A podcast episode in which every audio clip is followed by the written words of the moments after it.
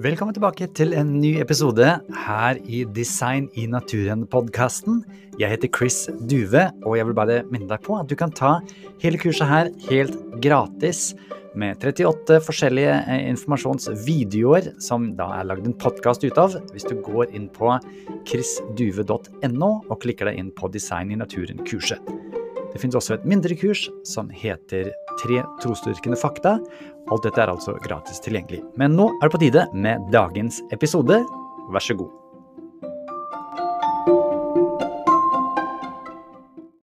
Hei, det er Chris her, og i denne undervisningsvideoen skal det handle om kolibriens ikke-reduserbare kompleksitet. Og jeg må bare si at jeg har gleder meg til å vise dette her, for dette er virkelig snadder for øynene. Paul Davies han sier i The Fifth Miracle Living organisms are mysterious not for their complexity, ikke bare fordi de er komplekse, but for their tightly specified complexity. I denne leksjonen skal det handle om kolibrier. Du kommer til å lære masse nytt og spennende om disse dyrene. Vi skal følge en kar som har studert dem i mange, mange tiår. Og her er det en helt fantastisk verden. Vi skal ha om hva er det som skal til for å fly. Og er dette en prosess som kan skje uten en plan? Dette med flyvekunsten som sluttresultat. Først skal vi se en video om en sammenligning mellom en drone, som jo er bygd og lagd og er ikke reduserbar kompleksitet, har du av en vinge, så funker den ikke, og en ekte kolibri. I novemberutgaven av Time i 2011 ble denne lille flyvemaskinen kåret til en av årets beste oppfinnelser. Det er en NAV, en Nano Air Vehicle, en drone som etterligner kolibrienes flymekanisme.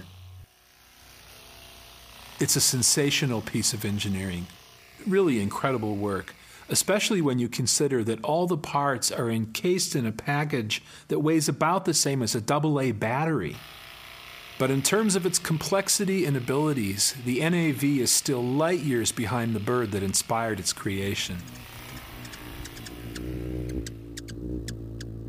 Hummingbirds have to be among the most fascinating birds I've ever encountered. Kind of made a lifetime avocation of studying them and filming them and getting to know them. There are 343 recognized species today, and all of them are found in North America, Central and South America. Kolibrier er ikke bare fargerike energibunter. De er også helt unike i fugleverdenen. De blir ofte beskrevet som naturens helikoptre. Vingene deres kan slå opptil 100 ganger i sekundet, og deres akrobatiske flyvemønstre har ingen paralleller i den luftbårne del av dyreriket. Hummingbirds are built for speed and maneuverability.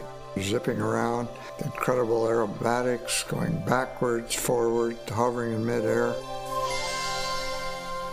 The tail is a balancing organ. It helps guide which direction they want to go. They can raise it to zoom up. They can drop it to stall. They can use it to go side to side. It's, it's highly maneuverable.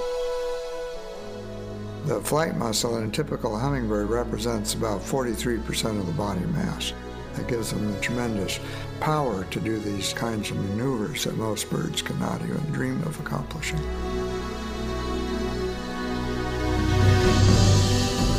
Kolibrier har tre forskjellige måter å fly på. For å fly fremover beveges vingene opp og ned. For å sveve lager vingene en åttetallsbevegelse.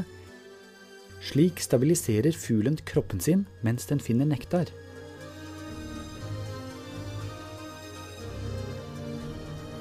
For å fly bakover beveges vingene i en sirkel over fuglens hode.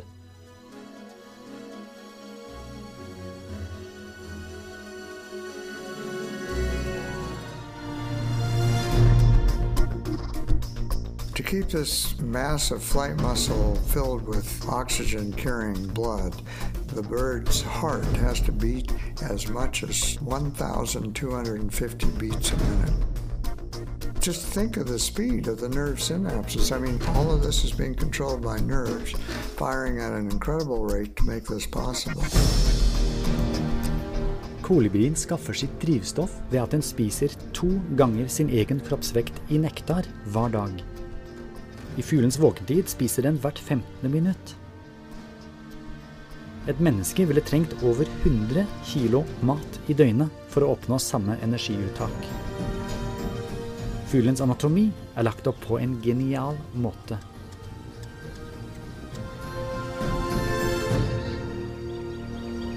The hummingbird's tongue is about twice as long as its beak, so it can reach deep into a flower.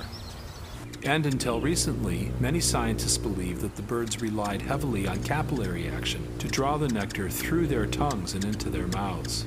Kind of like water spontaneously rising up a thin straw in a glass. But some fascinating discoveries at the University of Connecticut have shown that the mechanisms involved are much more dynamic than anyone realized.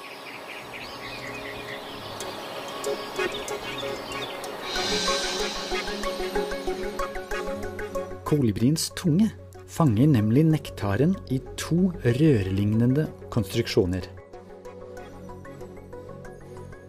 Endene av hvert rør er delt opp i en rekke luker som er hektet på en støttestang.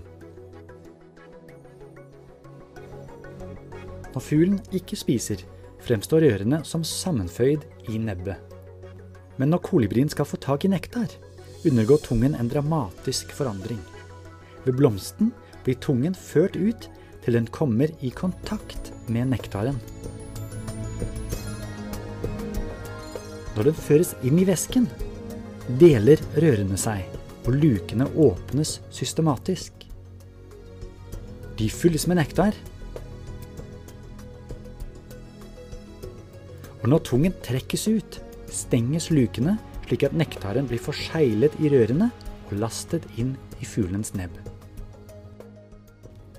Hele prosessen tar kun en brøkdel av et sekund og utføres tusenvis av ganger hver dag.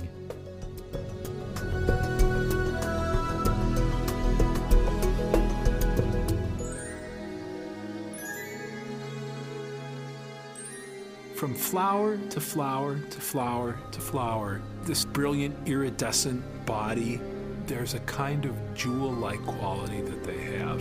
And I think from a biological standpoint, to fly at all requires a cause that's able to visualize a distant functional endpoint and bring together everything necessary to achieve that endpoint. Uniquely and universally in our experience, only intelligence is capable of that kind of causal process. An engineered system is the product of a mind that anticipated a problem and figured out a multi step way of addressing that problem. In birds, you see exactly that kind of process. I believe that intelligent design is the best explanation for avian flight because it's the best explanation for every other kind of flight that we see. So, why would I suddenly change the rules when I go from a 747 to a pigeon? Their systems and their subsystems and the tolerances with which they operate, all of those things that are coordinated together, is just more incredible than anything that human beings have been able to achieve.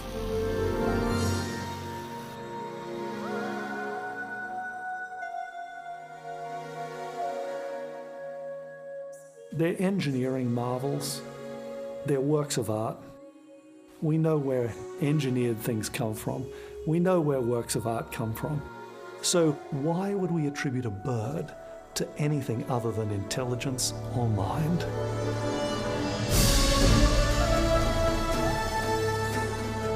Vi mennesker får til mye, men designpremiens vinner finner vi likevel i naturen.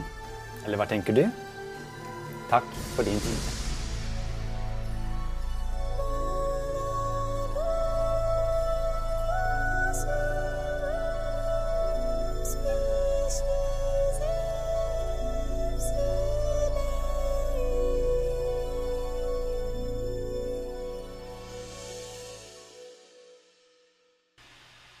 Jeg er helt overgitt. Det er eh, altså kolbriens detaljer som du nå har lært om i denne leksjonen, som f.eks. hjertet, tungen, flyvemåten og andre ting som du har plukka opp, ta det med deg videre. Dette er jo bare ja, fantastisk. Så har vi lært om det å kunne fly. Det er en prosess som må planlegges. Eh, hvor som helst, når som helst. Om det er et fly de skal lage, om du skal lage et papirfly, ikke sant. Dette er ikke ting som eh, blir til litt og litt over lang tid. Men her er det systemer som må fungere sammen for at dette skal gå bra. Du kan også gjerne se på videoen med Steinar Thorvaldsen som er lagt ved i bonusdelen her. For da snakker han om trekkfugler, og der har du enda mer med denne innebygde GPS-en. For det er helt, helt vanvittig. Det har flyveruter, og de har studert på det. Hør på Steinar og la han fortelle deg litt. Men nå er det altså tid for action. Tenk deg en samtale hvor du forteller om et eller annet som du syntes var fascinerende med kolibrier. Så kan jeg gjerne nevne noe om kolibriens oppbygging som ikke er mulig å redusere. Et eller annet som rett og slett hvor ting må være på plass for at det skal fungere. F.eks. firetaktsystemet med lungene. Ja, håper ikke at det var den du tenkte på, men du finner sikkert mer. Og så da ville du sagt om dette om eh, tilfeldige mutasjoner og naturlig utvalg kan få et dyr til å fly over tid, uten plan og mål, som du også husker vi leste fra skolebøkene. Går det an, eller er egentlig det en selvmotsigelse? Skriv gjerne ut oppgavearket og gjør det skriftlig, det kan hjelpe, eller ta det i en samtale med noen. Dette klarer du. Marte, Ja, modul fire om eh, plan og greier. Jeg tror eh, det var et sterkt budskap der. det var et veldig sterkt budskap. Og, og da fikk jeg lyst til å ta frem den her eh, biologi 2 igjen. Ja, ja. Um, for jeg ser et punkt her hvor det står rundt evolusjon at det er ikke noe mål eller noen hensikt med evolusjonen. ja. Kan vi fortsatt liksom si Ja, vil vi si at det stemmer da? Altså du kan si eh, Jeg er delvis enig i det som står der. Mm. Fordi eh, når du har mikroevolusjon, altså når du da går fra eh, et papegøye som lander på en øy og ikke trenger å fly så mye mer, og så blir vingene muligens litt svakere eller litt, litt mindre, Mm. så er ikke det fordi det er noe veldig mål med det. Nei. Det er det som, som er praktisk, ikke sant? Nei. Men skal du få til tungen til en kolibri, Ja. Da må det være en eller annen hensikt, årsak med det. det er helt klart. Det, da må du ha informasjon, da må det et eller annet som kommer inn og sier at sånn skal det være. Ja. Mer om det i modul 8 faktisk, for da skal vi ha om eh, hvordan en sommerfugllarve smelter seg selv ned for å bygge seg om til en sommerfugl. Og hvis du ikke har en plan da, da dør du. Men neste eh, modul, det er modul nummer fem. Og da skal det handle om eh, fossiler. Og eh, om det som vi finner i fossilene stemmer med evolusjon, eller om det kanskje er noen andre forklaringer. Ok. Vi skal se på saken. Tusen takk for at dere var med i modul nummer fire, og gratulerer med fullført. Snakkes vi i neste modul.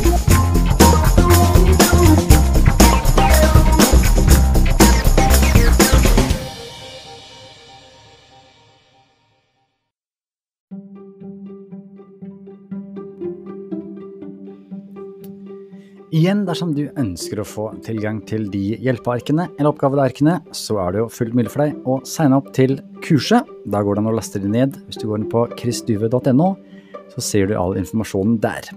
Dersom du ønsker å støtte denne podkasten og annet arbeid som jeg holder på med, kan du også lese mer om det på chrisduve.no. Takk for nå.